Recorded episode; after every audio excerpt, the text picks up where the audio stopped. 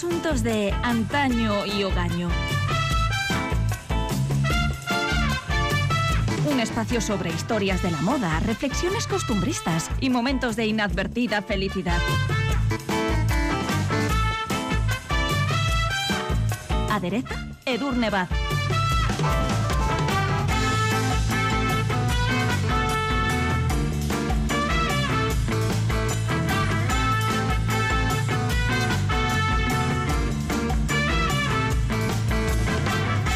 Recordarán que episodios atrás dedicamos varias entregas a algunos de los vestidos que, por las más diversas razones, han hecho historia.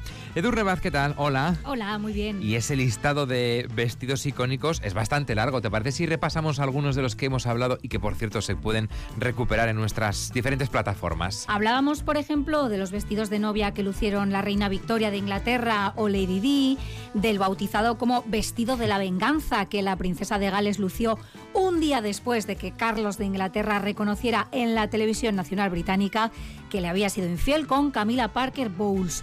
Mencionábamos el Little Black Dress que impulsó la siempre pionera Coco Chanel y el que lució de forma inolvidable Audrey Hepburn en la película Desayuno con Diamantes. Contábamos la intrahistoria del vestido con el que Marilyn Monroe le cantó el cumpleaños feliz a John Fitzgerald Kennedy y es una prenda que, por cierto, ha vuelto estos días a la actualidad después de que Kim Kardashian lo luciera en la última gala del Met. Ha dado mucho que hablar, ha sido muy controvertida esa elección. Recuperábamos también el icónico vestido que Escarlata O'Hara, protagonista de Lo que el viento se llevó, se confeccionaba con los cortinones verdes de Tara. Recordábamos, como no, el inolvidable Versace que Jennifer López lució en los premios Grammy del año 2000 y que provocó nada menos que el nacimiento del buscador de imágenes de Google. No nos olvidábamos de otros clásicos imperecederos como el vestido cruzado de Diane von Furstenberg, el vestido Mondrian de Yves Saint Laurent, el traje rosa de Chanel que lucía Jackie Kennedy el día que su marido y presidente de Estados Unidos fue asesinado o el célebre vestido azul de Gap utilizado como evidencia en el caso Lewinsky Clinton. Pues en este espacio de historias de la moda, reflexiones costumbristas y momentos de inadvertida felicidad que llamamos asuntos de antaño y hogaño, nos vamos a centrar en otra pieza que bien podríamos haber incluido en aquella serie, ya que es un verdadero hito en la historia de la moda. Desvelanos el misterio. Pues hablamos de un vestido firmado por el pintor, grabador, fotógrafo, diseñador textil, diseñador de moda y escenógrafo español Mariano Fortuny, al que se llegó a conocer por razones evidentes como el pequeño Leonardo o el mago de Venecia. Y nos referimos, por supuesto, al icónico vestido de elfos.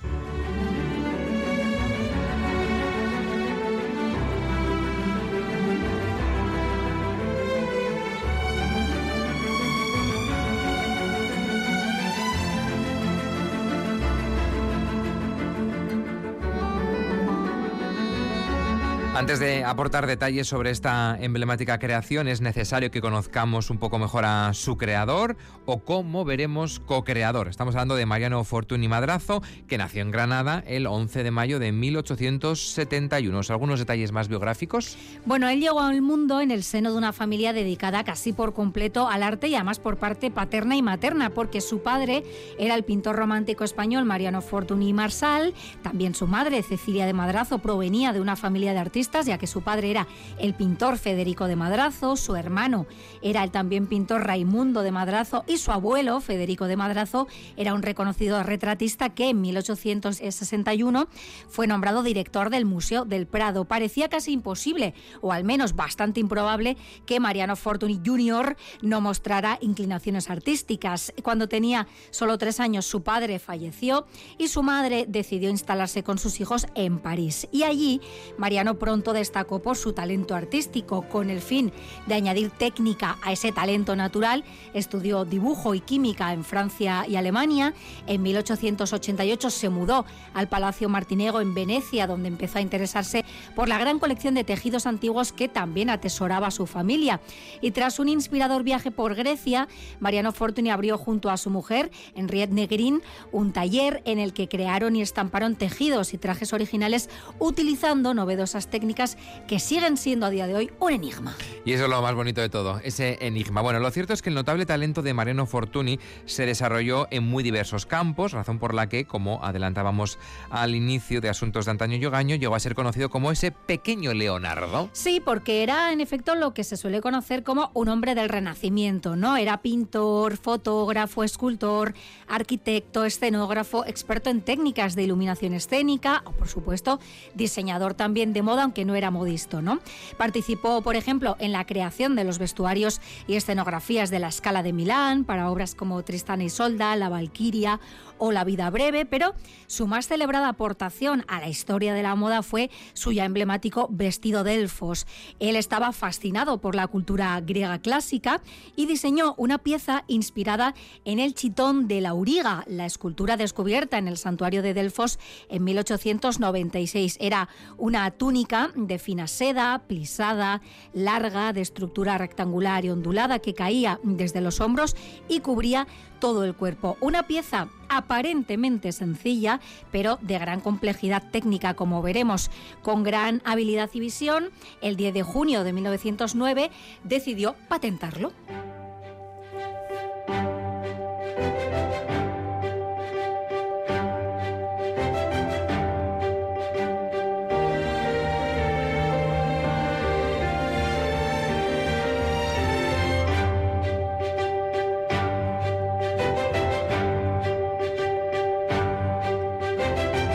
La patente que con gran visión decidió registrar Mariano Fortuny recogía casi todos los detalles de la técnica que su mujer y él empleaban para lograr ese característico y minúsculo plisado del vestido de elfos. ¿Cómo era y es esa técnica? Bueno, hasta donde conocemos, porque como bien dices, él desveló casi todos los detalles, pero por resumirlo, podríamos decir que consistía en apretar y retorcer fuertemente con las manos bandas de tela mojada hasta conseguir arrugarla de forma longitudinal para a continuación dar forma también a ondulaciones horizontales. Para completar este proceso, el propio Mariano Fortuny, hombre del Renacimiento, diseñó una estructura semimecánica compuesta de un sistema de poleas y rodillos capaz de conseguir un ondulado transversal y con esto se conseguía que todos los vestidos delfos sean o parezcan iguales. La estructura en efecto se repite con únicamente algunas variantes como el largo de las mangas o la forma de los cuellos que se ajustan mediante cordones de seda decorados con cuentas de cristal de Murano que además contribuían con el peso a que la caída del vestido fuera todavía mejor, pero al mismo tiempo cada vestido delfos es una pieza absolutamente única porque de entrada no hay dos plisados iguales, puesto que es un proceso sobre todo artesano, ¿no? manual. íntegramente manual y porque el vestido, por su peculiar arquitectura y la particularidad del tejido, se ajusta a las diferentes morfologías de sus portadoras y adopta en cada caso pues una forma diferente, ¿no? Pero como decíamos, la patente recogía casi todos los detalles de esta técnica porque hubo uno en particular que fue deliberadamente omitido y era el proceso que utilizaba él para teñir esas telas, ¿no? Además de recurrir a tintes naturales y tratados sobre el arte de la tintorería, se dice que empleó también viejas recetas que le confiaron ancianos artesanos de la región del Véneto. Tan especiales fueron sus tintados que llegó a ser bautizado, como antes adelantábamos, como el mago de Venecia.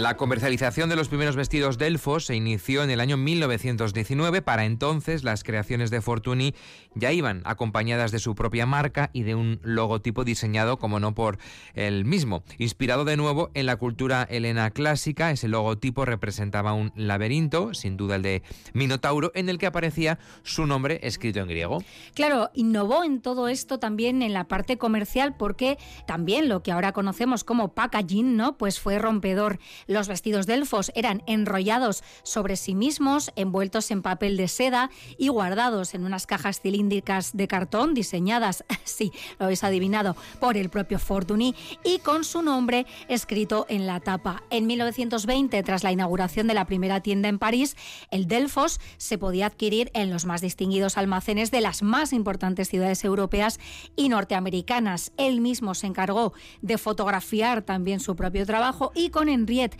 su mujer, posando como modelo para él, la empresa familiar alcanzó una gran proyección entre las mujeres de la alta sociedad, bailarinas, actrices de teatro y mujeres de la burguesía y la aristocracia luchaban por hacerse con uno de sus diseños, no solo por la libertad de movimientos que, como veremos, permitían, sino también y sobre todo por el prestigio y el estatus asociados a estos vestidos. ¿no?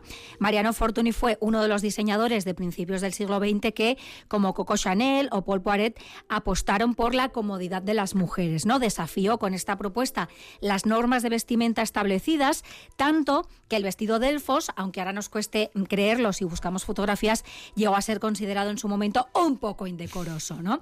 Quizá por ello se convirtió también en icono de la liberación del cuerpo femenino porque dejaba atrás antiguas prendas como el opresivo corsé o aquel aparatoso miriñaque de antaño. ¿no? Mariano Fortuny logró con el vestido de un doble salto mortal con tirabuzón y es que las mujeres vistieran cómodas y a la última moda, luciendo lo que en el fondo era una prenda masculina del año 457 a.C.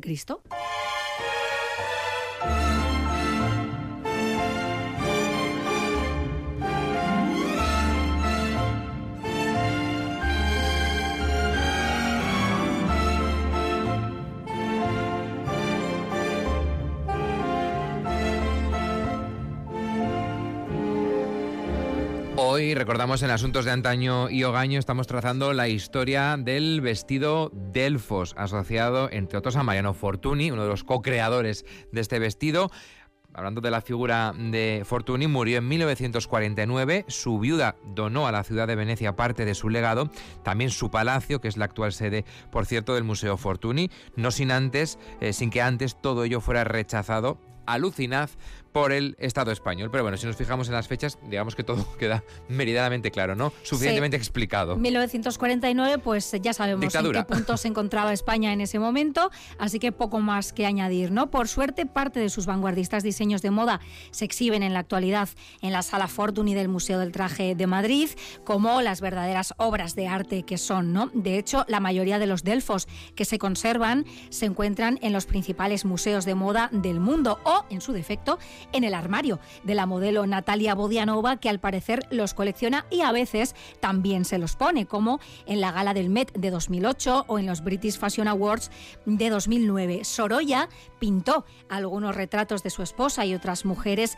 ataviadas con vestidos de elfos. Si visitáis el Museo Sorolla podéis también fijaros en este detalle. Marcel Proust describió este vestido también en su obra magna, En busca del tiempo perdido. Y de forma más reciente, María Dueñas narraba el proceso de creación de un falso vestido de elfos en su exitoso libro El tiempo entre costuras, que fue convertido, como sabéis, en serie de televisión. Recordamos esa escena de Sira eh, construyendo un falso delfos de urgencia para Rosalinda Fox, que tenía un compromiso, y vemos todo el proceso, vemos cómo con Yamila retuerce esa tela, lo tiñe. Y quiero recordar, si la memoria no me falla, que en la segunda parte de esa novela, Sira, también se recuerda ese, ese momento ¿eh? de creación del vestido de elfos. Pues bueno, lo volvió a poner sobre la mesa, ¿no? Y, y volvimos a descubrir o redescubrir esta pieza de la historia de la moda, ¿no? Y también ha pisado, como no podía ser de otra manera la alfombra roja, ¿no? Más allá de Natalia Bodianova, como decíamos, la siempre magnética Loren Bacall, por ejemplo, lució un Delfos original en la gala de los Oscars de 1979. Lo han lucido también actrices como Sara Bernard o Julie Christie, las bailarinas Isadora Duncan o Ana Pavlova, la compositora Alma Mahler, la mecenas y coleccionista de arte Peggy Guggenheim, de la que ya hablamos en este espacio o en nuestro Vivir para contarlas, o también las modelos Lauren Houghton o Marisa Berenson. Incluso en la emblemática serie británica Downton Abbey eh, se ha podido ver eh, logradas réplicas del diseño de Fortuny. Bueno, decíamos que al morir Mariano Fortuny se llevó a la tumba las fórmulas secretas de los tintes naturales que empleaba ¿no? para obtener sus característicos colores. Ese enigma esta, está sin resolver. Sin resolver. Y además a ello contribuyó Henriette, su mujer, porque cuenta la leyenda que cuando Mariano murió, ella arrojó fórmulas y muestras de los tintes que utilizaban a las aguas de los canales de Venecia para que nadie pudiera replicarlos jamás. Y a día de hoy, ese enigma, como decimos, no ha sido resuelto. Se sigue sin conocer la fórmula y tanto sus pictóricos colores como sus efectos metalizados no han podido ser replicados. Para que os hagáis una idea, a la fábrica que en la actualidad trabaja para la firma, centrada en producir bellos tejidos estampados empleados fundamentalmente ahora en la decoración de interiores, solo tienen permitido el acceso una veintena de personas.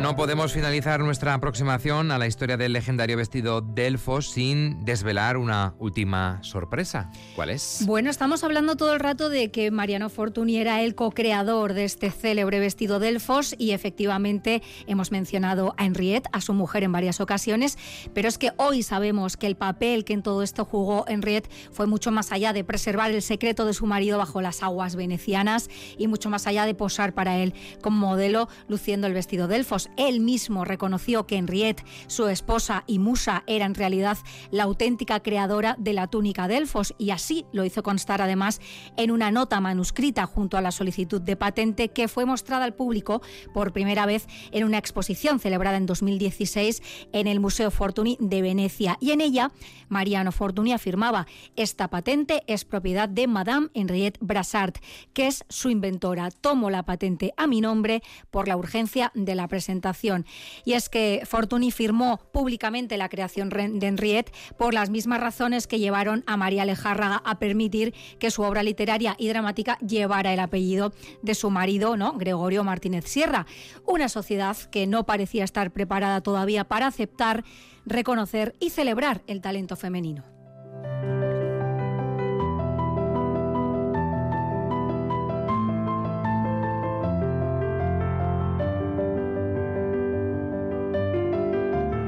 Nosotras, nosotros sí que estamos preparados para reconocer el trabajo de todas estas mujeres. Lo hacemos en Vivir para contarlas todos los sábados y hoy también en este crossover con Asuntos Antaño y Ogaño, el papel fundamental ¿no? que em, jugó en, Riet, ¿no? En, la creación de este vestido de elfos, que era hoy nuestro asunto eh, a abordar.